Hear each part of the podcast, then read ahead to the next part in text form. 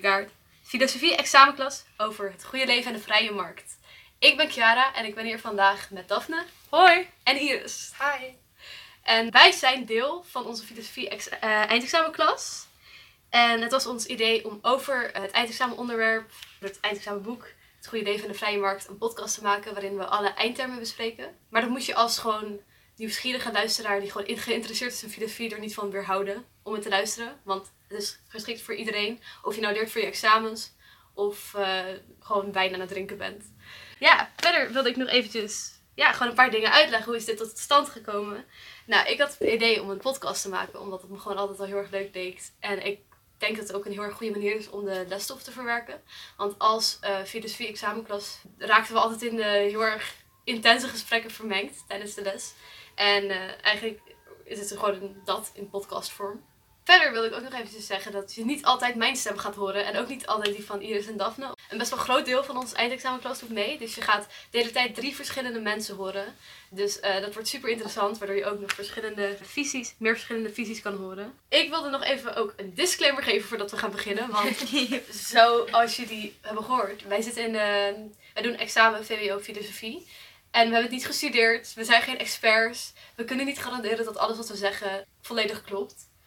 Maar we zijn wel aan het leren en we hopen dat we in ieder geval de goede kant op gaan. En dat we jullie daarbij ook kunnen helpen. Ja, dat precies. wij ons steentje bij jullie kunnen bijdragen, zodat jullie slagen voor filosofie dit jaar. Of volgend jaar natuurlijk, dat kan ook. Ja, en eh, dan voordat we gaan beginnen, gaan we ook nog even uitleggen waarom we eindterm 1 tot en met 3 skippen. En dat is namelijk, dat zijn de algemene eindtermen. En wij gaan die aan het einde plakken, zodat je echt gewoon al die visies van filosofie tot je hebt genomen. En dan met van, oké, nu kan ik die drie algemene eindtermen, daar kan ik nu mijn mening over vormen. We wilden natuurlijk toch wel een shout-out, shout-out geven naar onze eh filosofiedocenten. Feri Alsaci. Als je luistert, thanks voor alles. Je hebt ons heel veel geleerd. Het feit dat wij nu dit kunnen produceren is wel echt gewoon allemaal haar. Ja. Ja, ze is echt amazing. Ze heeft ons zoveel geleerd. Ze heeft zoveel discussies. eh Goede gesprekken. goede gesprekken. Existentiële crisissen. Ja, precies. dus dat is nog even een heel erg belangrijke shout-out voordat we gaan beginnen. En ehm, let's go. Ik denk dat we gewoon gaan doen dat we de eindtermen voorlezen. En dan het gaan beantwoorden, erover gaan discussiëren, onze mening gaan vertellen. Ehm, misschien een beetje shade op de schrijvers van het boek. Klein Lichtelijk. beetje. We gaan deze podcast gaan we eindterm 4 tot en met 11 bespreken. Dus het is eh, tot en met de primaire tekst van Aristoteles. Ja. Yes. Hierna zijn wij klaar met de ethica Nicomagia. Dus daar ben ik wel heel excited Ja. voor. Oké, zal ik de, de vierde eindterm dan maar gaan voorlezen? Als jij daar gelukkig van ja, doe maar. Word ik daar gelukkig van? Wat is geluk? Oh nee. Ehm, nou, dit gaat, eh, we gaan naar hoofdstuk 1 gewoon. De vrije markt en het goede leven in meervoud. De vijf dimensies. Eh eindterm 4. De kandidaten kunnen de vraag naar het goede le- leven relateren aan de vraag wat het betekent dat de mens zich tot zichzelf in de wereld verhoudt. Hierover kunnen zij een beargumenteerd standpunt innemen aan de hand van Socrates' opvatting dat het niet onderzochte leven niet de moeite van het leven waard is. Het verschil tussen mensen en dieren volgens Cassirer. En Nietzsche's opvatting van de mens als niet vastgesteld dier. Ja. Iris, het lijkt me wel leuk als jij je uitwerking eh, een beetje globaal gaat voorlezen, want het is een heel boekwerk. Ja, hier had ik nog zin in alles. En ja, ik weet niet. Ik heb heel veel opgeschreven. Oké, dus eens kijken. De eindterm kan je eigenlijk een beetje verdelen in verschillende delen. Dus als eerste heb je ehm, de mens is het wezen dat, zichzelf tot zich, tot, dat zich tot zichzelf in de wereld verhoudt. En ja, de wereld is hierin zeg maar ehm, de gehele situatie waarin elk mens zich bevindt en alle omstandigheden. Dus zeg maar je hele context, een soort van. En de mens is wezen dat zich tot zichzelf in zijn context dus, of in de wereld, zeg maar, verhoudt. En dat betekent dat wij onze omstandigheden in verschillende vormen kunnen waarnemen. En op basis van de waarneming kunnen handelen. Dus hiermee kan de mens ook reflecteren op zichzelf. En dat is iets wat als heel belangrijk wordt gezien. En de, het is een, ik heb staan in ieder geval, ik kan me niet vividly herinneren, maar ehm, dat, dat het mens dus het wezen is dat zich tot zichzelf in de wereld verhoudt. Dat dat een algemenere bevinding is op basis van een stelling van Augustinus van Hippo. En dat is ehm, dat hij zei, ik ben voor mezelf een vraag geworden. Wat ik niet helemaal snap, maar ik relateer er wel extreem aan. Ja, volgens mij is dat ook iets wat inderdaad in het, de inleiding stond van het boek. Ja, Waarschijnlijk had het hij gewoon één grote existentiële crisis. En was hij van, ik ga een random zin opschrijven. En toen waren we van, wij gaan dit interpreteren. Ja, het is inderdaad, hij heeft het in het Latijn opgeschreven als Ik Quaestio. Ja, ja, verschrikkelijk. Quaestio mihi factus sum. Nou, het is jammer dat ik de betekenis wel heb gegeven, anders had ik het je laten vertalen. Ja. ja, inderdaad. En dan Socrates, die zei natuurlijk dat het leven niet de moeite waard was als je het niet zou onderzoeken.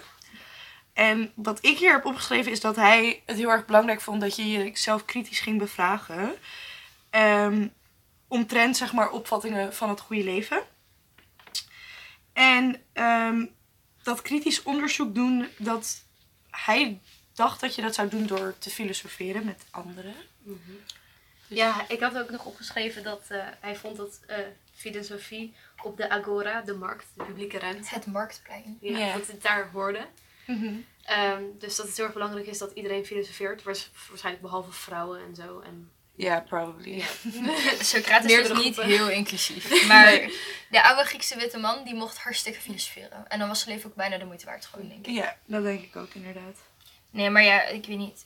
Op zich, in de eindterm wordt wel vooral de nadruk gelegd op dat je weet dat Socrates stelde dat het niet onderzochte leven niet de moeite waard was. Ja, dus per dat se op zijn bere- wegen en redenen daarachter. Nee, Ja.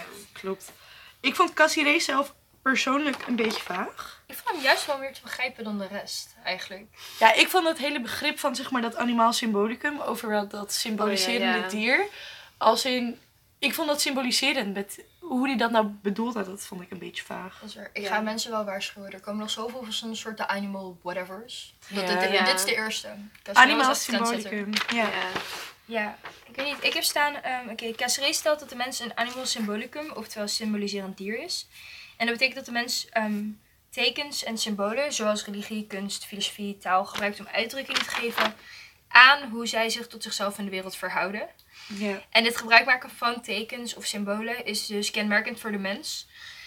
En ja, ze, hij stelt dus dat het misschien ook nog noodzakelijk is, heb ik staan. Wat wel een beetje dramatisch is. Ja, ik heb inderdaad ook zoiets soortgelijks opgeschreven. Ik heb inderdaad dat het, het begrip symbool gekozen is.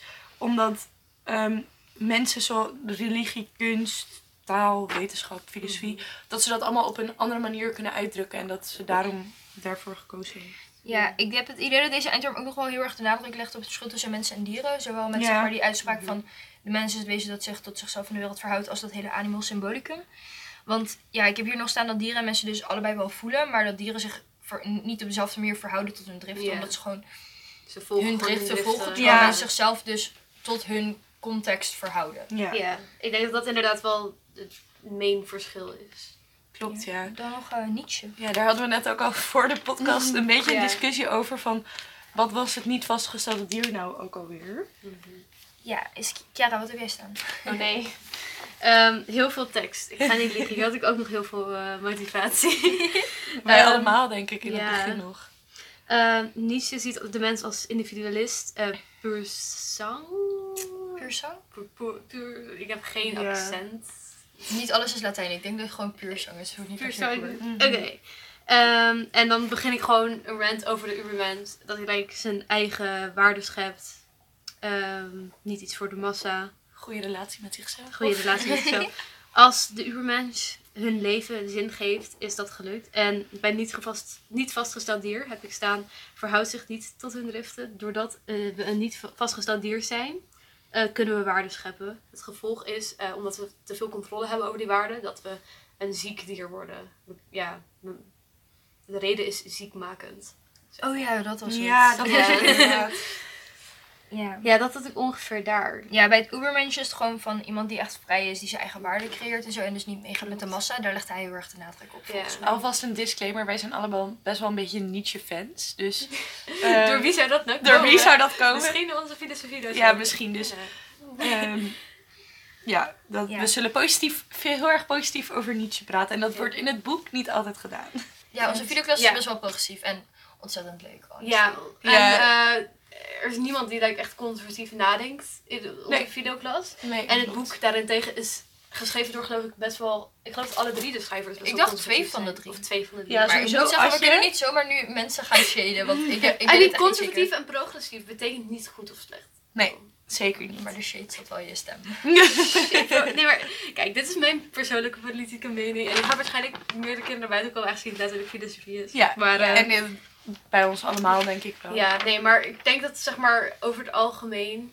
ehm, ja, dat, dat dat misschien een reden is dat ze iets negatiever zijn over Nietzsche. Ja, dat denk ik. Al heb je natuurlijk wel het hele ding dat, eh, na- eh, dat het nazisme de Ubermensch wel gebruikt. Terwijl dat niet is hoe Nietzsche het. Nee, precies. Dus daar toen heel erg het uit het verband getrokken Ja, precies. natuurlijk. Ja. Eens kijken, ik denk dat we best wel klaar zijn met de eerste eindterm. Ik wil wel graag nog vertellen aan de luisteraars dat ik hier heb staan dat Blijft de Aarde Trouw een heel goed boek is en dat we dat allemaal zouden moeten lezen. Dat is een Nice. recommendation van Verial, die ik heb opgeschreven in mijn schrift. Het staat overal. Maar Love, ik dacht, love ik we like dit. 10 minuten bezig zijn en we like, al er gewoon de helemaal de hemel in geprezen. Ja. Ja, maar ik dacht, ik deel dit gewoon met iedereen. Dus ja, Ja, mocht je cool. gewoon een goed boek zoeken om te lezen, Blijft de Aarde Trouw. De, het boek verwijst ook best wel veel naar films. Dus Oh, ja, dat is is ook later leuk. in de podcast Ja, inderdaad. Ja, ook, eh, elke, elk hoofdstuk is toch een film. Het eerste hoofdstuk heet De Vrije Markt en het Goed Leven in Meervoud de 15 Dimensies. Ja. En dat is dus omdat het boek ehm, in twee delen, zeg maar, is eigenlijk. ja. En het behandelt uiteindelijk wat grotere filosofen en filosofische thema's rondom de vrije markt. Aan de hand van vijf gekozen dimensies. Maar ik denk dat we daar later nog op komen. Oh, trouwens, ik wil ook nog even een disclaimer. We hebben alles op papier en zo geschreven. Dus sorry als je heel erg geritsel van blaadjes hoort. We doen het zo min mogelijk, maar het is daar. Dus, eh, ik hoop En in deel erg 2 is. inderdaad. Dan Daar begint elk hoofdstuk met een film. Ja. klopt. zijn goede films. Ja, Her zie ik. Fight Club. Zat erin. Eh, The Circle ook nog, met. Emma Watson. Dus ja. Yes. Allemaal goede films. Ja. Maar goed. ehm, Laten we doorgaan naar eindterm 5. Ja. naar Ja. we love her. Ik vind... Ik, Doe je lover? Ik heb het idee dat ze geeft me wel heel erg westers. Oh Ja, ja, dat ze wel. uit heel erg haar westerse eh, opinion. Maar over het algemeen vind ik haar theorie... Vooral... Ik waardeer heel erg haar theorie. Ja. Maar nu gaan we wel helemaal in op de eindterm. Oké, inderdaad. Ja, we hebben nog vond voorgelezen. Noesbaum, Noesbaum de primaire tekst ook heel leuk. Dat zei jij ook inderdaad. Ik vond haar echt wel beter te lezen, maar zij Ja. heeft ook twee primaire teksten in het boek, denk ik. Of eentje, maar... Eh, like, ik oké, weet we hebben te weinig vrouwen. Ja, het is- ja, maar dat- Eerlijk, ik- we zitten hier wel vooral te hypen, omdat het een van de, I don't know, vijf vrouwelijke Drie, filosofen is. volgens mij. vind ik nog optimistisch. Volgens mij zijn het er drie hoor. Volgens mij is letterlijk Noesbaum, Toronto en Hannah Arendt. Arendt, ja. Volgens mij is- zijn er niet meer vrouwen. Ik, ik weet niet waarom, maar Misschien dat ze dan- gaf me in het begin ook een heel erg feminine vibe. Maar toen kwam ik erachter dat het een man in was. En ik was zo... Not the point, Daphne, de Oké. eindterm. Alright. De kandidaten kunnen de kritiek van Noesbaum weergeven op de opvatting dat het bruto nationaal product als criterium voor het goede leven kan worden gehanteerd. Daarbij kunnen ze de capabilities approach uitleggen, toepassen en beoordelen. Alle eindtermen zijn zo van, ik kan het uitleggen, toepassen en Ja. beoordelen. Je kan je mening Beargumenteren, ja. Ja, ehm ja, ze had eh, eigenlijk gewoon kritiek op het, ehm, op het BNP. Ja, het BNP. Ik zei net BNP. Ja, het BNP wordt heel BNP. vaak gebruikt om zeg maar ehm mate van welvaart aan te geven in een land. Ja, En ik bruto wil- nationaal bruto product. nationaal Ja, ik heb zelf aardrijkskunde en dan merk je natuurlijk steeds van, oh, we gaan kijken naar het BNP en dan is dit een centrumland en dit is een periferieland en zo.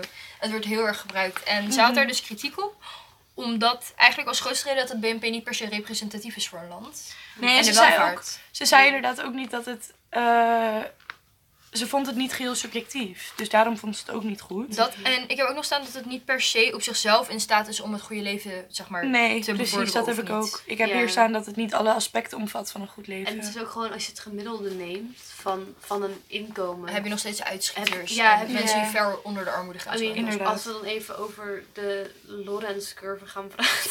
Nee, dat gaan we dus niet doen. Sorry, ik had economie examentraining vandaag. Nee, zeg maar, als in de welvaartsverschillen kunnen nog steeds heel erg hoog zijn. Maar Dat is genoeg kan nog economie. steeds hoog Genoeg economie. Maar Noesbaum, die kwam met een geweldige oplossing. De De capabilities capabilities approach. Ja, die heeft ze trouwens ontwikkeld samen met Armatia Sen.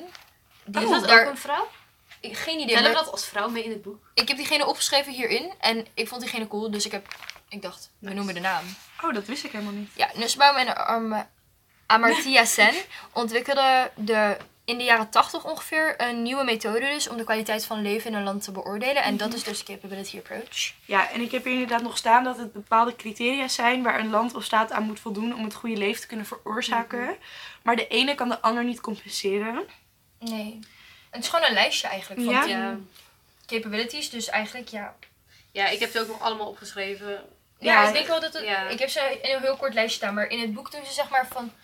Eh, volgens mij is iets van een goede staat of een goed land is in staat om de Mhm. burgers dit en dit en dit te laten doen. Zeg maar. Klopt. Ja, al moet ik wel zeggen, het, zijn, het, het is geweldig als het zou kunnen, maar het is heel erg idealistisch. Het is heel idealistisch. Ja, inderdaad. en er was ook best wel veel kritiek op, omdat het inderdaad, zoals we net al zeiden, het gaat alleen maar om de west, eigenlijk om de westerse waarden. Ja, Precies, want I mean, wij zijn opgeslurpt in de westerse wereld. Ja. Maar, Oh my god. en dit boek is heel erg best vanuit een westers Ja. eh, oogpunt. Ja. Heel erg. Ja. Dus Oh ja, Ja. ze had het ook nog over een basaal minimum, zeg maar. Dus ehm, het draait erom dat een leven goed is als alle mensen de mogelijkheid hebben om te voldoen aan een basaal minimum, de threshold van elk van de tien capabilities.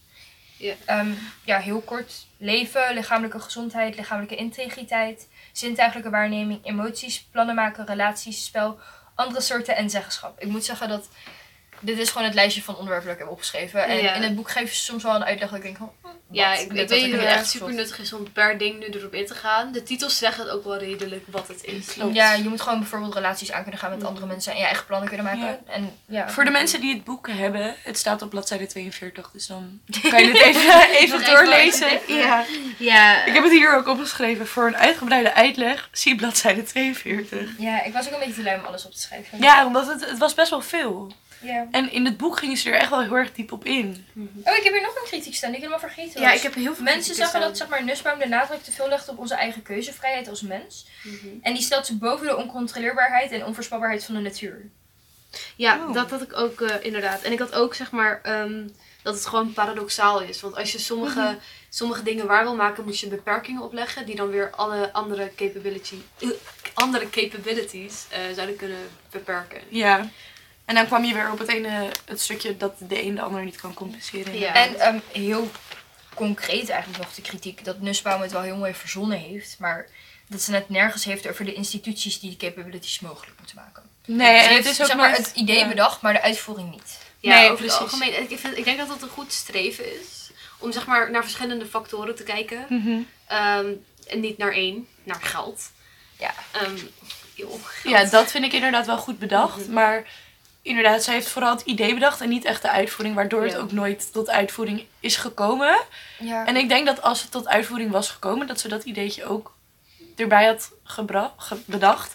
Denk ik dat het wel iets had kunnen opleveren. Ik Ja. weet niet, ik vind haar idee ook low-key sketchy, maar ik ben wel ontzettend eens met haar kritiek op het huidige systeem. Mhm. Maar dan ben Maar ik ook weer zo'n Mm. van, Het is- niet hoe het anders moet, Het is maar een beetje een idealistische zeg maar, oplossing die, is, die ze niet echt, in, Nee. ik denk niemand kan waarmaken. Ik denk dat het altijd een soort streven zal blijven. Ja. Als in om ergens naar te streven. Ja. En ik denk dat dat eigenlijk is dat, wat we moeten doen. Ik denk, je kan nooit een hele samenleving gelukkig maken.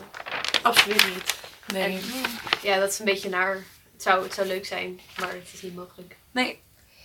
Nou, ehm, eens kijken, hiermee sluiten wij ehm, hoofdstuk 1 af eigenlijk. En gaan wij door naar de eindterm van hoofdstuk 2. Hoofdstuk 2 gaat over Plato en Aristoteles over het goede leven. Er is wat letterlijke haat op de oud-Griekse filosofen. Hier, merk ik. Ja, ik denk dat het ook vooral komt voor het feit, oh, ja, om het feit dat ze alleen maar inderdaad keken. Maar ook alleen maar keken naar de Griekse witte man. En Ja. Racist. yep. Ja, nou ja, eens kijken. Alsnog gaan we wel de eindtermen bespreken. Met de nodige disclaimers erbij dat ze best wel kut waren soms. Mhm. Ja. Ja, ik denk dat het ook wel belangrijk is. Je kan maar hun theorieën, als, als je ze in de context van nu zou plaatsen, ehm, zouden ze soms nog ook wel helpful kunnen zijn. Ze hebben niet alles fout gedaan. Nee. Ik bedoel, de driedeling van de ziel en zo, daar komen Dat- we zo op. ja. Dat vind ik echt wel een mooi punt. Maar goed. Dus kijken, de Ja. eindterm. eh, zijn we nu bij eindterm 6. En dat is... Het zijn heel veel verschillende stukjes. Ik ga het gewoon even helemaal voorlezen, maar we komen uiteindelijk op alles. Ehm, de kandidaten kunnen Plato's argumentatie voor de ideale staat reconstrueren en evalueren. Hiermee kunnen zij de kritiek van Plato op de democratie weergeven. Uitleggen wat bij Plato het verband is tussen de hiërarchische orde in de samenleving en de drie delen van de menselijke ziel. Dus dat is de driedeling van de ziel waar we het net ook over Mhm. hadden. En beargumenteren dat Plato's ideale staat zowel als een utopie als een dystopie kan worden beschouwd.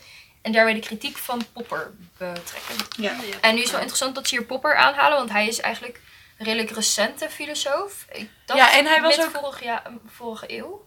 ja, hij was volgens mij inderdaad niet zo... Ja. En hij hield zich in, ehm, volgens mij vooral bezig met Ja, wetenschapsfilosofie. klopt. Want we hebben hem inderdaad vorig jaar in de vijfde hebben wij hem besproken bij wetenschapsfilosofie. I mean, ik denk dat het niet heel raar is dat ze er moderne filosofen bij aanhalen. Want ik geloof, ik heb dit geloof ik een keer in de filosofieles gehoord. Eh, dat kan fout zijn.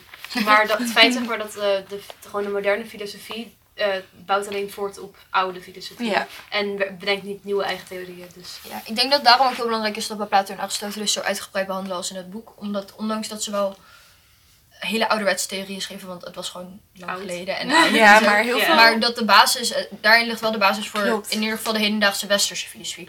En ja, nog een disclaimer, het boek doet alleen maar westerse filosofie. Ja. Heel Helaas. lame. Nou, niet alleen het boek. Het is like, als je, een, als je inschrijft voor een studie filosofie. Leiden heeft een... Leiden heeft een, eh, Leiden is de enige. heeft een course eh, die ook Mhm. niet westerse filosofie behandelt. Maar in de normale studie filosofie krijg je alleen maar westerse filosofie. Er zou meer inclusiviteit Ja, misschien dat je wel zijn. iets van een minor of zo kan doen. Ja, ja maar, zeg maar, het, ik denk dat de, de, je wil juist verschillende visies betrekken. Ja. Dan moet je toch juist ook niet westerse filosofie Ik ben het heel erg niet eens met het gehalte westerse filosofie dat we krijgen. Maar- Ja, het Westen voelt zich zo elitair. En voor wat?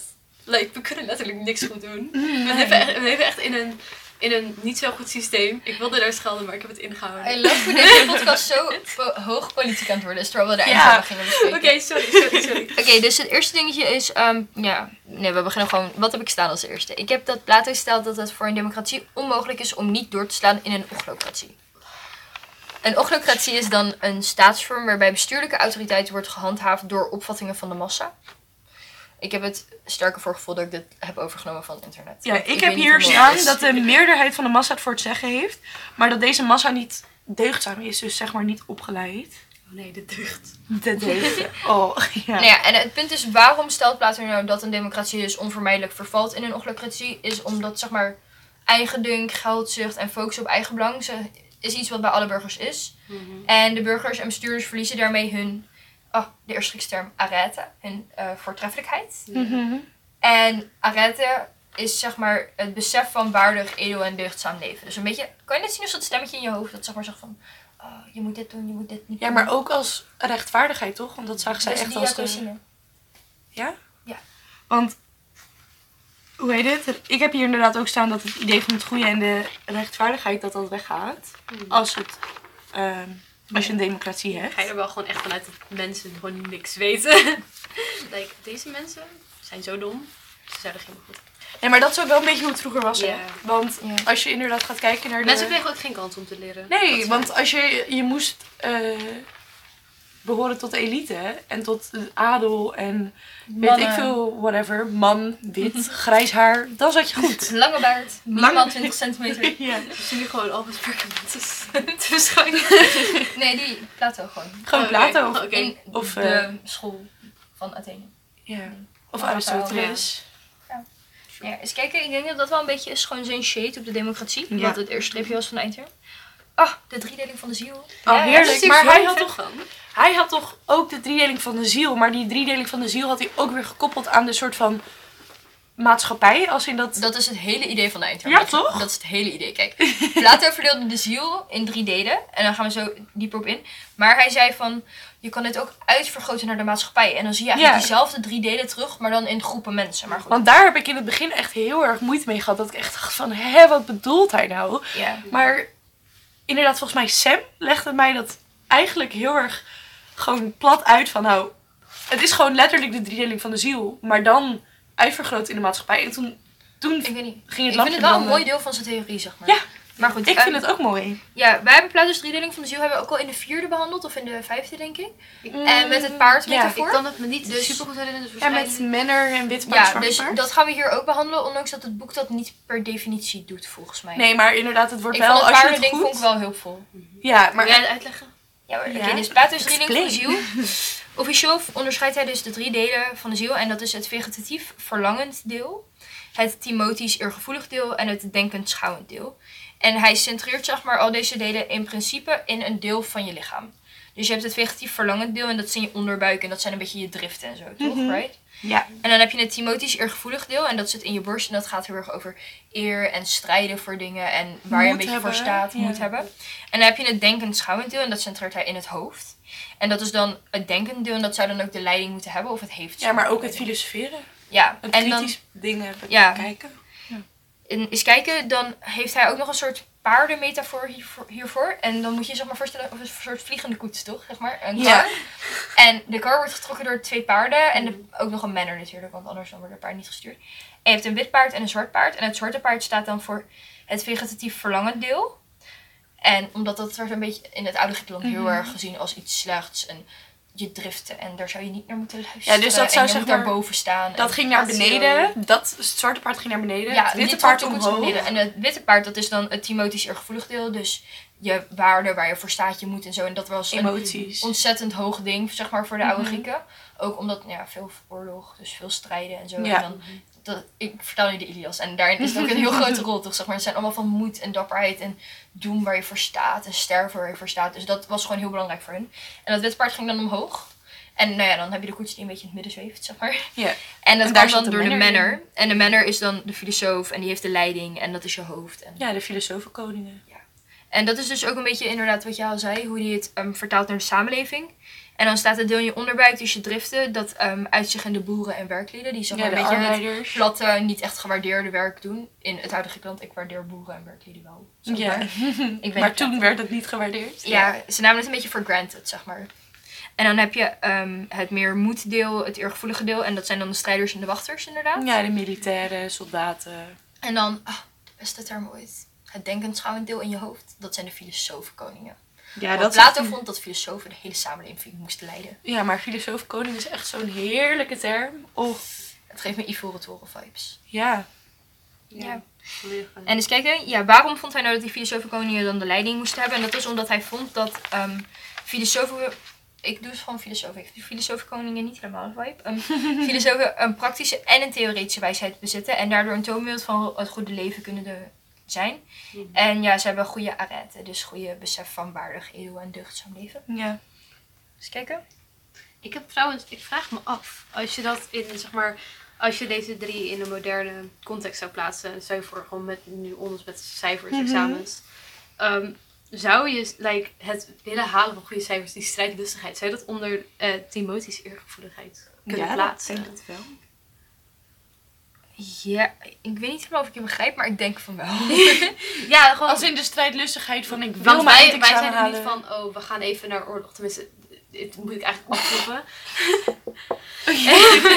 ik hoop niet. Weet je, Chiara, wat nou we verder gaan? Voordat je ons allemaal jinx. Ja, inderdaad. Oei. Let's move on. Ja, kijken. Eh, popper, denk ik? Ik weet niet, ik heb hier ook nog het begrip eh, kardinale deugden staan. Dat is misschien ook wel worth mentioning. Ja, Wat vond je? Dat heb Ja. ik niet bij deze eindterm, maar ik heb het inderdaad wel bij de eh, eindterm 12 komt dat ook weer terug. Dat is niet hier. En ik wil ook heel graag vertellen dat wij weten wat de kardinale deugden zijn. Leg het uit. Ja, de kardinale deugden zijn dus van Plato. En hij zei dat alle filosofen deze vertonen en ze helemaal amazing maken. En het zijn matigheid, en dat centreert zich dus in de onderbuik. Dapperheid in de borst, dat is veel te verwachten. Bedachtzaamheid in het hoofd. En rechtvaardigheid, en dat is dan de balans daar allemaal De tussen. rechtvaardigheid is echt gewoon... Dat komt nog zo vaak terug. Zij zien dat echt, de Grieken zien dat echt als het beste wat er is. Volgens mij was het diakosune. Ja, dat zou wel kunnen. En wat ook wel belangrijk ja. is om te zeggen, is dat je de, cardina de cardinale deugden, dat je die kan krijgen door middel van oefening. Ja, ja, Ja. Dat was een vibe. Ja, na oefening, maar dan als je een bepaald persoon bent, toch? Ja, dus niet, Ja. al- niet als je een vrouw bent. Je kan ze trainen als je zeg maar een soort copy-paste bent van Plato en Aristoteles. Ja. Precies.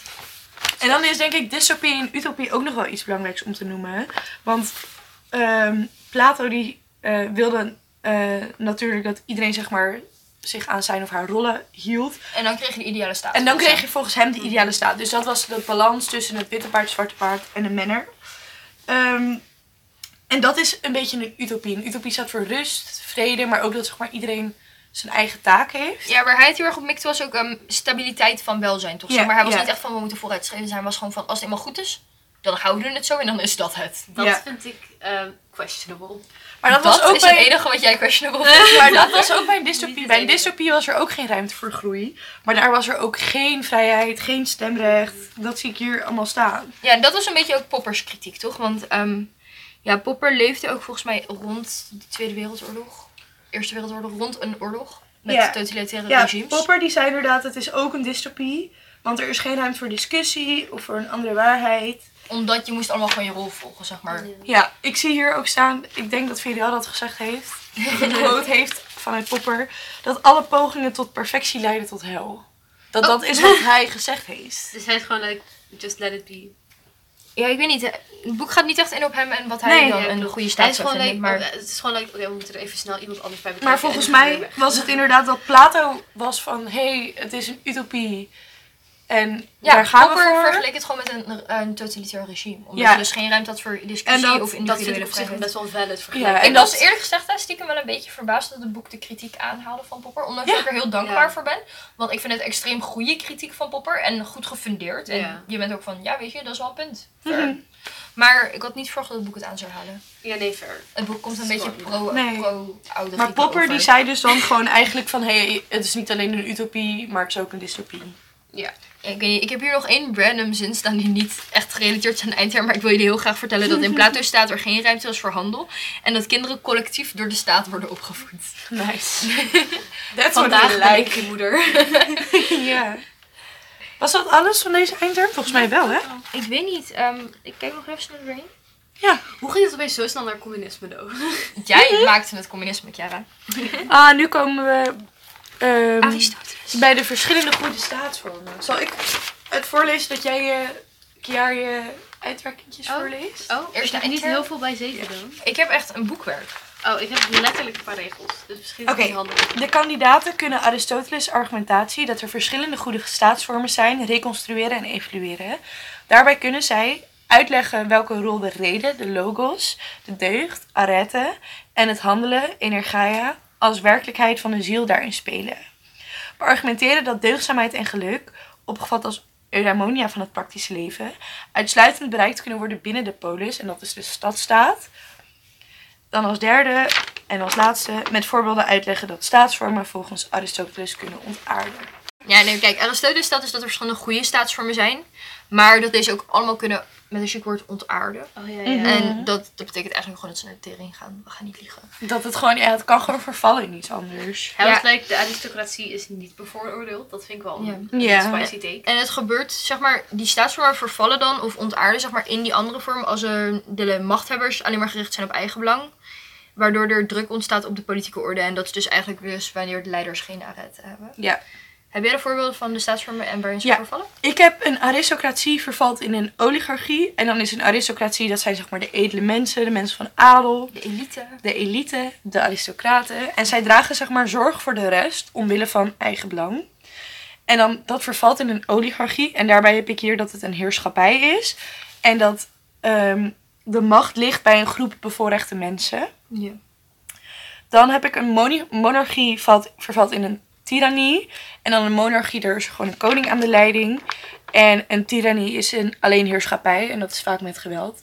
Denk nu, ja, je kan het nu een beetje koppelen, denk ik, aan Rusland met Poetin. Mm, ja, ik denk het wel. Ik denk dat Ja. dat een goede link is voor Ja. nu de tijd. En dan heb je nog een eh politeia. En dat is een gemengde staatsvorm waarbij een bepaald deel de macht heeft. En dit kan vervallen in een democratie. Oh my god, een democratie is het ergste wat je kan overkomen. Ja, nee, maar het punt is dus dat Aristoteles zijn democratie wel erg vond. Omdat hij vond dat alleen maar echt goede mensen, zeg maar hij en zijn vrienden, zeg maar de stad zouden moesten leiden. Dus Ja. hij zag een democratie niet als iets goeds. Want niet het hele fucking volk is opgeleid om een stad. Ja, ik vind het wel een beetje lastig, want ik leef natuurlijk niet in de tijd van de Grieken en Romeinen. Mhm. Ehm, op zich. dus misschien, ik, nee, ik, ik, ik weet niet of ik dit eigenlijk kan. Ja, eh, we gooien heel veel shade op hem, maar dat komt gewoon omdat wij het in onze context, in onze tijd lezen. En ik vind het wel goed hoor, een democratie eigenlijk. ja, Als in ik er is vind- allemaal ik wel inspraak Ik en vind het heel erg belangrijk. Imagine, je wordt gewoon... Ik ben heel benieuwd hoe hij zou kijken naar zeg maar, onze vorm van monarchie. Want onze koning Ja. heeft vooral een meer, zeg maar, een... Hij is meer een rol, maar hij Ja. vervult niet per se een... We zijn niet echt volgens hem een monarchie, want hij stelde erg dat de koning de macht had en de regels bepaalde en zo. Ja. Dus ik ben benieuwd of we dan kunnen vervallen in een Maar we leven ook in een democratie. Hij zou... Hij Misschien zou zo zijn- maar- waarschijnlijk. Hij maar ik ben dus wel heel zijn. erg benieuwd hoe zijn filosofie gevormd zou zijn op het moment dat hij hier zou leven. Als Ik denk zou dat hij het hij- aanpassen? Ik denk dat hij heel erg conservatief zou zijn. Ja, maar ik vraag me dus heel erg af van hij was echt anti-vrouwen. Als Hij zou echt die vrouw was voor Hij in is huis. oom op een feestje met allemaal controversiële meningen die gewoon de hele tijd met iedereen discussieert. Ja, Well, ja, maybe. It's, it's that one uncle die ik persoonlijk niet heb. Maar ik heb er ik heb Ik erover ook gehoord. niet. Maar inderdaad, wel verhalen over gehoord van Ja. andere mensen. Ja, oké. Ehm eens kijken, dat was wel het laatste deel van de eindterm. Dus nu gaan we nu het eerste deel van de eindterm Ja, dat was over, dat staat, Oh. het staat hier. Het Oh. was over dat... De logos, arete en de energie. Ja, daar heb ik dus niet zoveel opgeschreven. Ik heb wel dat je alleen... eudaimonia kan bereiken in een, eh, binnen de polis. Maar daarover dat had ik vond niet heel belangrijk. De polis. Oh my god. Maar goed. Ja. Eh, wat heb ik hier staan? Oké, de logos is de reden. En hij, st- eh, Aristoteles stelt dus dat de mens, hier komt het volgende soort dier, een zoion, logon, egon is. Een dier met reden. Ik hou van Grieks. Nee, ik haat het, maar goed. Ehm, en een geslaagd mens zijn hangt hiermee samen, zeg maar. Dus met het dier met reden zijn. En doordat de reden, zeg maar, door de reden de mens in staat stelt tot handelen, wat weer nadenken vereist. En alleen handelingsbekwamen kunnen gelukkig zijn. En dat is een beetje de running joke van dat vrouwen geen eudaimonia Ja. kunnen bereiken. Want eudaimonia is het ultieme geluk, daar komen we zo op. Maar goed, dan heb je dus arete, de deugd. Daar zijn we ook bij Plato al op eh, gekomen. Mhm. En dat is een houding of toestand van de ziel. En die zorgt ervoor dat ehm, je de weg naar het goede... Zorgt ervoor dat we goed kunnen handelen. Ik was heel erg Ja, eudaimonia valt ook samen met arete. Ja, je hebt Is het arete. arete of arete? Arete, volgens mij. Ik vind Ja, arete denk, mooier ik denk vanwege het streepje dat een Nou ja, kijk, het punt is in het Grieks schrijf je het met een eta op het einde. En dat is een e en niet een e. Dus het is Ah. arete. Denk ik. Ja. Arete. Dat weet jij beter.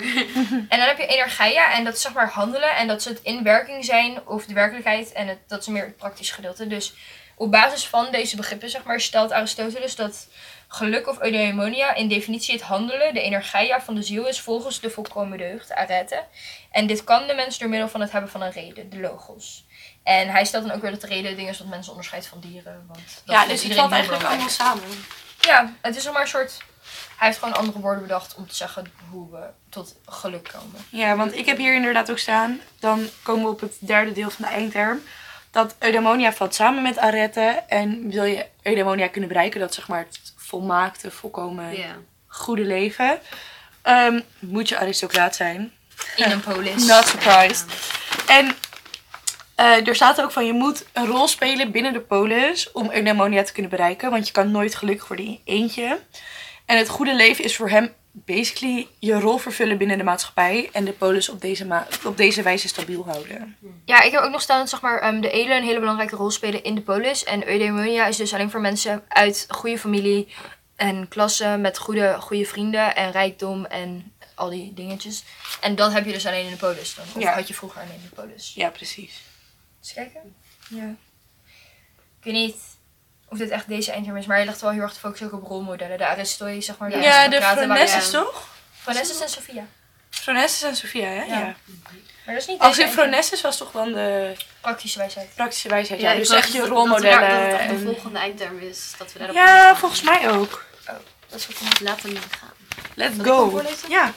Ehm, nou, nummer 8. de kandidaten kunnen de opvatting van Aristoteles over een deugdzaam leven uitleggen en toepassen. Daarbij kunnen zij met voor- voorbeelden een definitie geven van deugd en deze definitie uitleggen en toepassen. Uitleggen dat het streven naar geluk, eudaimonia, samenvalt met het goede voor zichzelf en de gemeenschap. Het onderscheid tussen dianoetische en ethische deugden uitleggen. Uitleggen dat de verschillende deugden elkaar veronderstellen. Daarnaast kunnen ze uitleggen dat volkomen deugd niet weg, is weggelegd voor de massa. Dat ware vriendschap met zichzelf betekent. ehm, wat ware vriendschap met zichzelf betekent. En een afweging maken in hoeverre dit eh, voor mensen in de samenleving van toen mogelijk was en nu is. Dit komt echt zo terug in de dik. Deze Ja. hele eindterm gewoon. Mhm. Hebben ze echt minstens anderhalve aflevering aangewaard. Ja, Maar goed. Nee, fair. Kijk, Inderdaad. De good place. De good place is echt leuk. De Ik Good Place is heel erg leuk als je een beetje geïnteresseerd bent in like, filosofie. The Good Place is session überhaupt leuk. comedy. Of sarcasme. The trolley sarcasme. problem. Ah, de trolley problem. Ja. Ik heb echt veel geschreven bij deze eindterm. Maar dat komt dan ook ehm, de definitie uit het boek heb overgenomen van deugd. Oh, Ja, wel ik heb een- dus niet zoveel geschreven, maar ik denk gewoon dat dat kwam omdat ik deze eindterm dan niet zelf heb uitgewerkt en tijdens de les aantekeningen probeerde Oh, ja. te maken en dat het me gewoon te snel ging. Gaat altijd snel, doe het Ja. niet. Ja, het is echt gewoon... Ja, nee, eens kijken. Ik heb staan dus ehm, volgens het boek of volgens Aristoteles, een van de twee, geen idee, sch- schrijver. Dus de deugd is een intentionele houding waarin we ons handelingen voornemen die in het midden ligt voor onszelf en wel een midden zoals dat redelijk wordt bepaald. Dat wil zeggen volgens een redelijkheid waarmee iemand met praktische wijsheid dat zou doen. Ja, dat is heel veel gepraat voor eigenlijk gewoon zeggen de deugd is een handeling of een midden en je zoekt het midden. Maar je zoekt niet jouw midden, je zoekt het midden zoals een aristocraat dat zou doen. Precies, en doordat je like, al die rolmodellen en zo hebt gehad, kan je dat. Ja. Of je kan het niet als je vrouw bent. What would Aristotle do? Ja, dat is toch, je moet je altijd afvragen als je zeg maar rondom Aristoteles en filosofie bezig bent, moet je altijd afvragen. Hmm, wat zouden de aristocraten goed vinden? Wat zouden zij hierin doen? Ja, het is belangrijk om op te merken, zeg maar. Want ik moet zeggen, ik behandel deze eindterm ook heel erg uit eh, mijn ethiek dat we in de vierde hebben behandeld. Ja. Wat logischer was, omdat het niet aan de hand van dit boek was. Zeg maar. Ja, Maar het is gewoon- inderdaad. Krijg je niet altijd het voorbeeld van, ehm, stel je voor, je bent aan het lopen en je ziet een kind dat in het water valt. En dan, ja, dat is niet grappig. Sorry, het is gewoon grappig. En dan moet je bedenken van, wat is een goede handeling op dit moment? Want dat is waar ethiek om draait. En dan moet je dus de situatie afwegen en dan moet je het midden zoeken. Ja, en dan inderdaad niet het midden voor jezelf, maar het midden van de aristocraten. Ja, en dan moet je dus ja, twee uiterste deugden. En dan Twee, nee, twee uitersten en in het midden twee vind je de deugd. Dat bedoel ik. Ja, Ja. Twee uitersten. En ik weet niet, het is ook nog wel belangrijk om op te merken dat het dus zeg maar ehm, het midden afhangt van de situatie en de persoon. Ja. Wel. Mhm. Want als jij niet kwam zwemmen of wel kan zwemmen, dat verandert de hele kind in het watersituatie, zeg maar. klopt. Want als je niet kan zwemmen, dan is het midden weer, zit, dat op een, zit de deugd op een andere Dus dan kan je bijvoorbeeld overmoedigheid Ja. Ja. Als, als, als extreem en dan die andere, ik weet het niet, ik kan in niks komen. Ja, Een andere Ja. uiterste. Maar goed, Precies. ehm, in principe is dus deze uitleg van deugd, hebben we hierbij ook de uitleg gegeven van de deugdethiek, zeg maar. En dat is dan een van de drie grote ethische stromingen. ja. Plichtethiek en utilisme, komt, die komen ook Ja. nog eh, Ja, tuurlijk. ter sprake. Het gaat, ja, het gaat, ja, het gaat over het goede goede dingen leven, ja. Ja, ik denk dat als je zeg maar, over de vrije markt en echt over de, die, die Mhm. politieke kant ook eh, ervan praat, dat je heel erg snel op idealisme en democratie gaat. Ja, precies. Maar inderdaad, dit was alvast de inleiding op de eerste grote ethische stroming. Ja. Ja, ja, eens kijken. En dan gaan ze ons eigenlijk gewoon een beetje doodgooien met termen. Ja, het is een beetje Dianoethisch, ethisch. Ja, dus Daphne, wat zijn dianoethische Ik heb hier dianoetisch dat dat denkend is. Ja. En dat je Ja. daar slim genoeg voor moet zijn. Dus dat het alleen voor de adem, adem is weggelegd. Oh my god, dat heb ik er niet bij staan, maar dat zie ik Aristoteles echt wel zeggen. Ja, dat heb Oh, ik hier 100%, opgeschreven. Maar dan in het Latijn. Als voorbeelden heb ik nog staan trouwens um, vaardigheid, techne, kennis, episteme, bedachtzaamheid, phronesis, wijsheid, Mhm. Sophia en intelligentie, nous. Ja. Honestly, ik heb nous altijd vertaald als geest, maar Is Grieks, I guess. ja, ja, het is Ja. allemaal Grieks. Ja, Ja, maar Hij ik denk was dat het ook wel ja. uit je geest. Ja, ja. Dat is wel. Ja. Ik kan alleen maar aan het Frans Mhm. woord noemen. En ik heb hier inderdaad ethisch dat dat dan het streven is. Wat je zeg maar wilt. Ehm, Mhm. En dat je daar bedachtzaamheid voor nodig hebt. En dat je kan luisteren naar logos. Ja, dat Ja. heb ik ook staan. Het kan Luister luisteren naar naar de de logos. logos. En Wat is logos?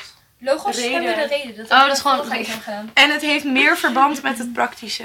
Ja, het is verbonden met je ge- gewoontes slash handelingen. Ja. En ja, wijzen op vast, de ethische deugden wijzen op vaste houding naar waarin mensen zich goed of edel gedragen. Ja, en ze moeten beide op één lijn gebracht worden. Ja, voorbeelden nog van ethische deugden zijn moed, gematigdheid, kalmte, vriendelijkheid en trots. En dat zijn bijvoorbeeld dus die deugden die je echt vindt als je het midden zoekt in een situatie, Ja. volgens mij. En Ja, ik geloof dat ik toen ook voor de toets ethiek had ik gewoon een paar van die deugden geleerd. Het was gewoon, oké, ik ga het gewoon in de situatie Ja. gooien. Het maakt niet uit. Ja, Ja, maar jij had voor die toets had jij een team, toch? Ja, we hebben een expert hier. Dat was, Ja. Oh ja, ik ben expert in ethiek. ja. Uit vier gymnasium. Vier gymnasium ethiek. Ehm eens kijken. Ik heb hier nog twee zinnen staan met een vraagteken ervoor, maar ze klinken wel heel intelligent. Ehm, een mens kan niet gelukkig zijn als de mensen om wie hij geeft dat niet zijn. En bovendien, als de heersende elite rechtvaardig is, is dat goed voor de stadstaat. Ik denk dat die, ja, maar ik denk dat die eerste zin dat dat een beetje aansluit op ehm, dat eh, met die ware vriendschap met zichzelf. Ehm, ja, het gaat over vriendschap, dus Ja. vast wel. Ja, vriendschap met zichzelf geeft me heel erg self-love community vibes. Ja, maar, Maar- hij bedoelde daarmee dat je niet destructief, destructief moest zijn tegenover jezelf. Ja. Dus Ja, dat je niet moest twijfelen, maar dat je echt in harmonie moest zijn met jezelf. Ik heb staan, een ware vriendschap met zichzelf is een voorwaarde voor eudaimonia. En Mhm. het betekent dat je zeg maar, jezelf onder controle hebt, waardoor je niet ten onder gaat aan tegenstrijdige destructieve gevoelens. Ja. En hij noemt het ook, hij stelt ook wel dat zeg maar, als je een ware vriendschap hebt met jezelf, dat je ziel geheel in harmonie is met zichzelf. Ehm eens kijken. Ja. Eens kijken, het is een beetje self-acceptance, toch?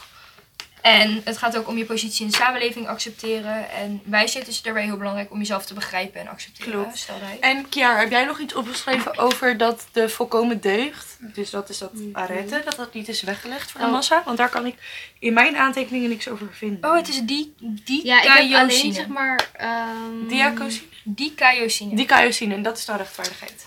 Ik heb, ik heb het, ik weet niet of ik, ik ben een beetje omheen gegaan met mijn antwoord, maar ik heb het wel slightly.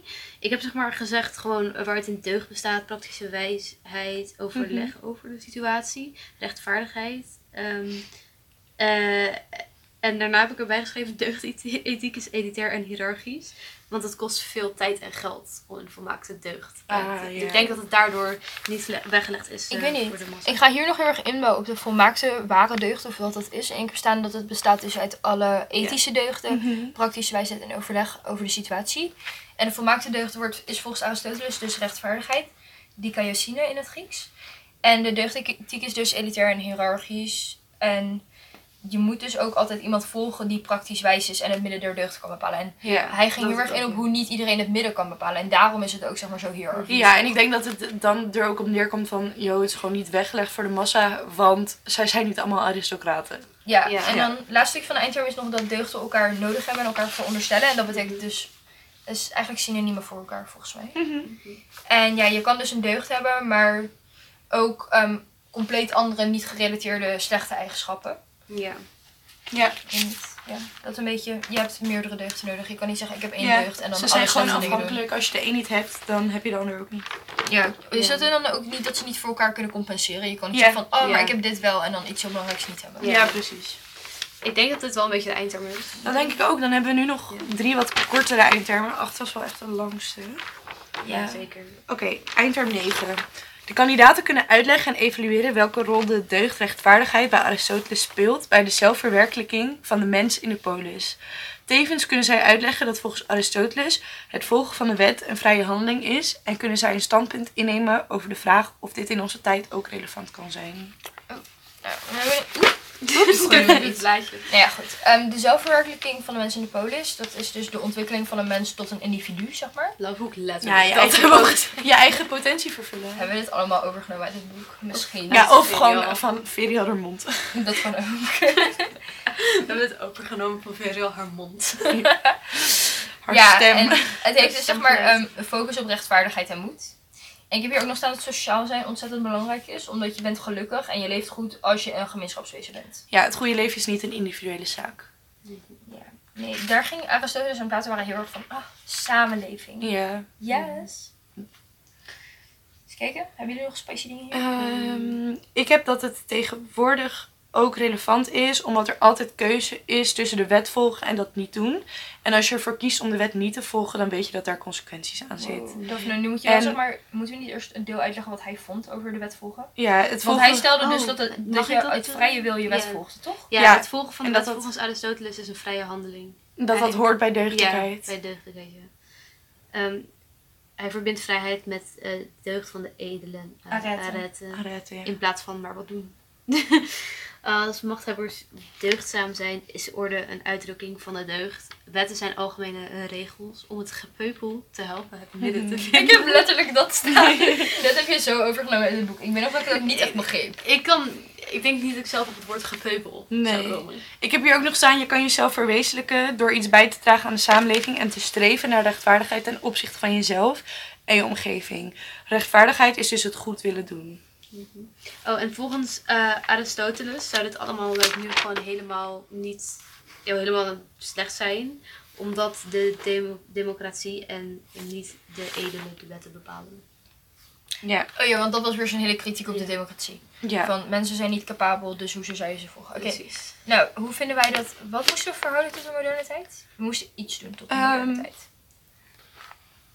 Het volgen van de wet een vrije handeling is en dan een standpunt innemen over de vraag of dit in onze tijd ook relevant is. En daarbij had ik dus opgeschreven dat het wel relevant is, omdat je een keuze hebt tussen het wel volgen en niet volgen. En dat als je er dan voor kiest om niet de wet te volgen, dat je dan wel weet dat daar op Ja. een, Ja. hoe, wat voor manier dan ook een Maar consequentie je hebt dus wel dat die wetten vastzit. door de democratie zijn. Ja, ja. maar ik sluit me niet aan bij zijn standpunt dat de democratie iets Oh, slechts 100 is. procent. Dus Nee. Ja, daarmee zijn we het in principe gewoon allemaal eens Ja. met Daphne. Ja. Zeker. Oké, zullen we naar tien gaan? ja, dat zijn de Tien is een overkoepelend iets meer Ja. volgens mij, toch? De kandidaten kunnen aan de hand van de vijf dimensies van het goede leven de opvattingen van Plato en Aristoteles over het goede leven uitleggen, vergelijken, toepassen en beoordelen. Ja, even kort van tevoren is het boek gaat heel erg in op vijf dimensies om dan het goede leven te categoriseren. In plaats van bijvoorbeeld hoe Nussbaum de tien capabilities had, hebben zij de vijf dimensies. Ja.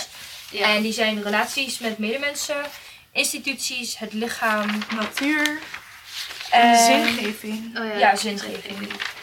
Dus, en nu gaan we volgens de eindtermen gaan we dan kijken wat Plato en Aristoteles een beetje vonden van die Tot dimensies. zover de kortere eindtermen. Het was niet korter, maar de eindterm op papier heeft niet 8 miljoen streepjes. Dat is Ja. Ja, eens kijken. Ik weet niet. Ik had hier uiteindelijk heel veel zelf geschreven. Toen heb ik er allemaal dingen van één zin bij gezet toen Ferry al uitlegde wat het echt was. Ja. Ja, ik denk dat, ja. Ja, qua relaties is het gewoon...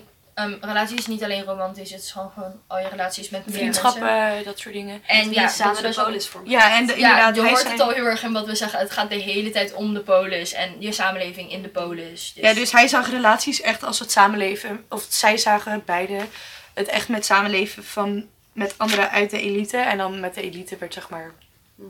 de aristocraten bedoeld en de polis. Want ja. zij konden alleen daar onderdeel van zijn. Mhm. Dan heb ik voor instituties staan dat het heel belangrijk was voor hun, voor instituties, dat ze vormgeven aan sociale verhoudingen. Mhm. Ja, en dat ik heb hier de mens moet leiden en zich laten leiden. Dat zorgt voor een stabiele staat.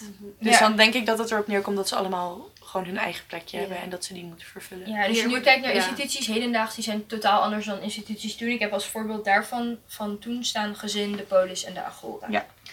Ja, je hebt wel, hier wordt, ik heb tenminste een best wel verschil gemaakt tussen Aristoteles en Plato, omdat ze over het algemeen like, een beetje op elkaar aansluiten. Ehm, maar hier heb ik, Oh ja, ik heb een beetje hetzelfde ja, inderdaad. ik heb het een beetje van elkaar gesplitst. Ehm, maar to be honest, heel veel dingen lijken alsnog op elkaar. Ik moet zeggen dat ik nu ook wel naar mijn eindwerking kijk en ik denk van, honey, ik, ik- dat was het niet helemaal volgens mij. Mm, ja, het is een beetje, het is een beetje lastig. Bijvoorbeeld in instituties had ik Aristoteles ehm, tegen handel en voor gemeenschap was. En Plato eh, wilde een hiërarchische staat ontworpen met rangen. Dit kan gezien worden als waarde voor instituties. Gemeenschap als geheel is heel erg belangrijk. En kinderen moeten door een institutie van de staat worden opgevoed. Maar dat komt Dat heb ik wel al gezegd. bij... Ja, klopt. Ja. Ik hoor... Ik, ik, ik was Het komt bekend voor. Ja, maar dat is wel, zeg maar, dan, dan heb ik het als losse dingen opgeschreven. Maar het komt zo dicht bij elkaar voor mijn gevoel. Ja, ik, heb het- ik snap ook niet meer helemaal wat ik Ja. hier staan. Maar in principe als ik gewoon kijk naar wat we besproken hebben tot nu toe in de afleveringen. Het is gewoon heel erg... Instituties geven vorm aan de samenleving Ja. en we leven volgens hun regels. En dat zorgt voor orde. Ja, en orde waren, was wel heel belangrijk bij alle Ja, twee. klopt. Eens kijken, ehm, de natuur, daar noemen ze niet heel veel over. Volgens mij Nee. Ze waren nog een beetje in de ontkenningsfase, toch? Ze waren van, oh, het is wetenschappelijk en we kunnen het controleren. Ik heb hier eh, dat de mens zich dient te voegen in het geheel van de natuur. En dat er ook binnen de mens een hiërarchie is. En binnen die natuurlijke hiërarchie staat de Oh, noes bovenaan. sorry, ik dacht, ik, ik las een stukje en ik moest gewoon, ik, er kwam gewoon een geluid van disagreement uit. Want ik had daarbij, eh, daardoor, kop, daardoor zegt, eh, legt hij dat verschil tussen man en vrouw uit. Dat vrouwen zeg maar ondergeschikt zijn Mhm. aan de man. Er was een kind naast ons. Ik wist niet dat er een baby naast mij woonde. I love dit nu deel wordt van de podcast aflevering. Ja. Waarschijnlijk hoor je het ook best wel. We hebben het echt net over de natuur en er begint een kind Als eerst dacht ik, Ik dacht dat het Freek was. Ik maar dacht ook Freek dat is het- toch al weg. Freek is is de de kat. Freek is... eh, Ik vind katten, random- katten vind ik echt Freek hoog ligt nog filosofisch. steeds. Freek ligt nog steeds op Melissa der Gala. Ja, maar je kan niet een podcast over filosofie doen zonder een kat. Het is Precies. letterlijk essentieel. Het is onderdeel toch? Sorry, ik was heel verhard hierdoor. Ik Voor weet dat kind. Ja. Ja, voor natuur heb ik van aantekeningen van Virial laat er ook nog staan dat het heel erg belangrijk is dat de natuur als statisch gezien wordt toen. Het is wetenschappelijk en onveranderlijk en het heeft geen waarde op zichzelf omdat het niet geestelijk is. Mhm. En dan de laatste toch? Zingeving. Ja, Dat je moet filosoferen en Filosoferen, onderzoeken ja. omdat het anders het leven geen zin heeft. Dat heb ik hier staan. Ja, heb Eudaimonia hangt samen met een heftig. theoretisch leven. Een Ja. nadenkend mens komt eh, bij het onsterfelijke deel van zijn ziel. Tussen haakjes gelijk aan de goden. eh, ik heb staan dat ehm, de dimensie van zingeving stelt dat filosoferen centraal staat bij zowel Plato als Aristoteles.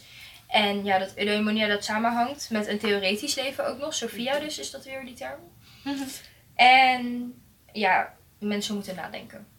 Maar het is een belangrijke noot dat zij mensen, zeg maar, zagen als de witte mannen. Ja. En dit gaan we ook blijven herhalen, want het is gewoon een frustratie. Heel Ja, veel filosofen doen dat. Ze zeggen, ah, Ja. mensen. ja. En dan bedoelen ze witte mannen zoals Nou, waarsch- waarschijnlijk is niet mannen. eens... Oh my god, was er niet ook zo'n filosoof die zei, en ondergeschikte schepsels? Ja, dat, ik weet niet meer wie Maar dat niemand, zijn. niem- niet internet, internet kan ons niet vertellen wat ondergeschikte schepsels Probably vrouwen. Maar we komen wel like, op Adam Smith, die was like, oké, ik Meisjes vind mogen dat vrouwen school mogen. Ja.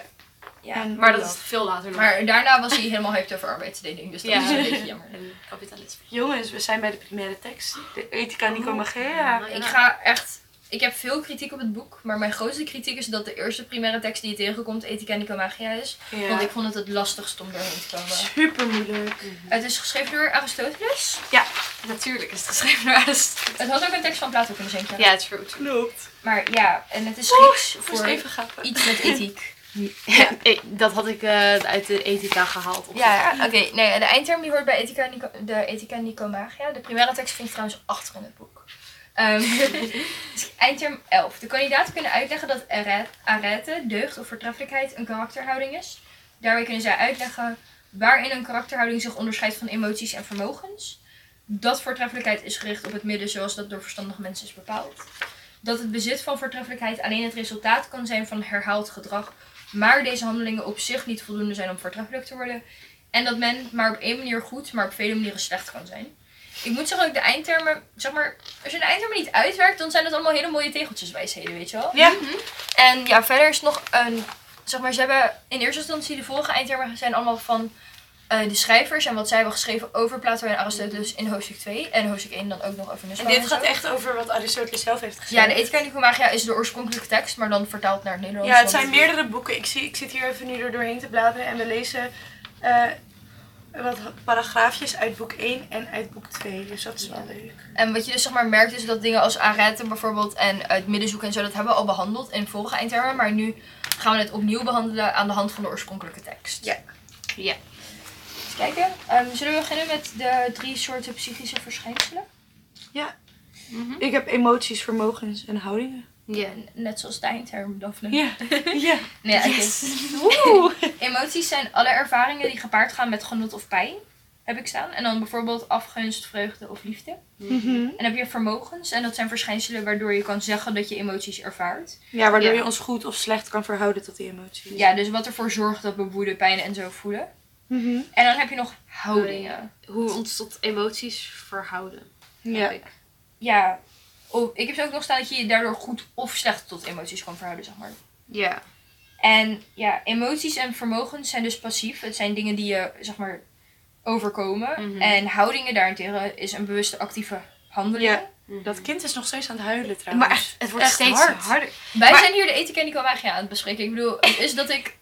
Ik denk dat, het, dat het kind heb. het gewoon door de muur hoorde en was like, nee. Ja. En I'm verder, checking out, ja. Aristoteles stelt dus ook nog dat voortreffelijkheid een houding is. Omdat het, zeg maar, een actief iets is. Terwijl emoties en vermogens passief zijn. Ja, en dat, dat die houding, dat sluit dan weer aan dat je op... Of nou, dat is meer de deugdethiek die erop aansluit. Is goed zijn wil zeggen dat je goed handelt. En dus, dat je dus altijd zeg maar de middenweg neemt. Ja, en dat je handelt vanuit gewoonte ook. Ja, precies. En slecht zijn betekent handelen volgens de extreme. En je kan dus eigenlijk dan maar op één manier, want er is maar één iets. Er is één midden. Er, is Er één zijn heel veel dingen naast En heel veel dingen ernaast. Dus je kan op één Ja. manier goed handelen en dus goed zijn. Ja, hij En dat meerdere zeg maar, het goede is slecht. begrensd en het kwade is onbegrensd. Ja. Waarom heeft u een soort van survival guide geschreven? Oké, als je in deze... Ja. Mijn stem. Als je in deze specifieke situatie terechtkomt, is dit het midden. ja. Ja. En ehm, het moet inderdaad in je gewoontepatroon zitten. Want als de deugden niet in je gewoontepatroon zitten, kan je ook niet een deugdelijk karakter krijgen. Ja, ik heb ook nog staan dat een persoon die voortreffelijk is of wil zijn, een houding en innerlijk moet hebben, waardoor een goede handeling ook ehm, uit goede motivatie komt. Dat vond ik Ja. heel belangrijk. En hij moet dus weten wat hij doet. Hij moet bewust kiezen voor de handeling. En eh, om de handeling moet hij handelen vanuit een vaststaand innerlijke houding. Dus het is niet per se dat je mood swings kan hebben of zo, denk ik. Nee. En hij is, een handeling is pas rechtvaardig als hij gelijk is aan hoe een rechtvaardige persoon zou handelen. En dat is weer wat we in eindterm 8 of 9 of zo hebben gedaan. Mhm. En dat is weer de aristocraten. Inderdaad. Eens kijken. Ja. Ik denk dat dat het wel was, Ik toch? denk dat we er wel gewoon... Dat we... Ja. I guess. Nou, dat was gewoon de eerste episode, jongens. Woe. We hebben eh, volledig... We hebben echt heel erg lang gepraat. Amazing. Ik hoop dat het heel erg een beetje interessant is om naar te luisteren. En ook dat het gewoon duidelijk is. Ja, dat is duidelijk. Zo duidelijk als. Plato en Aristoteles kunnen zijn. Ja, Ja. precies. Ja, Ik wil heel eh, graag zeggen dat we klaar zijn met Plato en Aristoteles, maar dat is echt zo niet Dat zo. is Ze komen echt nog een zo leugen. vaak terug. Sorry. Ehm, also, Dat bedacht ik me echt halverwege. Maar de eindtermen die wij gebruiken zijn te vinden op eh, de website Examenblad. Ja. Het is de syllabus voor filosofie 2022. En ja, dat is gewoon wat je moet leren voor het eindexamen. Dus Mhm. wij behandelen dat gewoon in de les. Maar mocht je nou geïnteresseerd zijn, ik zou het niet doen als je het niet nodig hebt. Maar ja, ze Als je staan op het denkt, examenblad. ik wil filosofische eindtermen leren, Ja, dan... dan, dan staan ze daar. Ja. Ja, dus... eh, En het boek wat we gebruiken, als je geïnteresseerd bent, het is gewoon te koop in boekwinkels. Het heeft een hele lelijke cover. het- Ja. dat is hoe je het herkent. Ja, nee. ehm, dus oftewel, we staan niet heel erg positief tegenover Plato en Aristoteles, zoals je misschien hebt kunnen merken. Vooral, ik, ik heb vooral heel erg veel haat gedaan. Maar jullie staan allemaal ook wel, niet achter de theorie. Ja, maar ik blijf er dat het wel heel lastig is, omdat... Ja, Het is zo lang geleden, ja. ja klopt. Oh, gaan we een preview geven van volgende week? Oh, ja, dat vind ik Ja. leuk. Ik staan. Ehm, volgende week hoor je mij in ieder geval wel weer, maar dan met twee nieuwe gasten. Wat spannend. Net alsof ik de host ben. Kunnen we wel alvast de namen noemen misschien. Ik ben hier dan met Sam en Sam. En wij gaan het hebben over Locke en Kierkegaard. Oh. De titel. De Titel, We Kierkegaard. hebben ooit een disclaimer gegeven dat, dat we niet alleen over Kierkegaard gaan praten. En anders heb je dat nu wel En doorgehad. we hebben het ook niet over wijn. We drinken Nee. ook geen wijn, want we zijn underage. Hashtag legal. Niet. Niks 18. We drinken niet tijdens de podcast. Nee, en ja, misschien Wijn in Kierkegaard. Het is ooit ontstaan omdat we het in de les over Netflix en chill hadden. En dachten we, hey, dit is de filosofische versie ervan. Ja, En toen is het eigenlijk een soort dingetje geworden bij ons in de het is een, filosofieklas. echt een inside joke, ja. Ja, dus eh, we dachten, dit is de perfecte naam. Mhm. Dus ehm, ja, dan is Ja. dit het. Tune back in volgende week voor Locke en Kierkegaard. Ja. Of like, als dit allemaal online staat, klik gewoon meteen door. Inderdaad. En heel erg bedankt voor het luisteren. Ja, Ja, ik vond super het echt leuk. Ik vond het ook heel erg leuk. Ik heb er heel veel aan gehad. In ieder geval, ik hoop dat jullie het ook hebben. En de luisteraars, ik hoop dat ze, ja. Dat ze wat hebben geleerd. En dat ze er iets aan hebben. Ja, dat was het Ja, denk ik al. yes. Ja, thanks. Tot volgende week. Of tot, Tot volgende zometeen. keer. Tot Tot volgende zometeen. Doeg. Doei.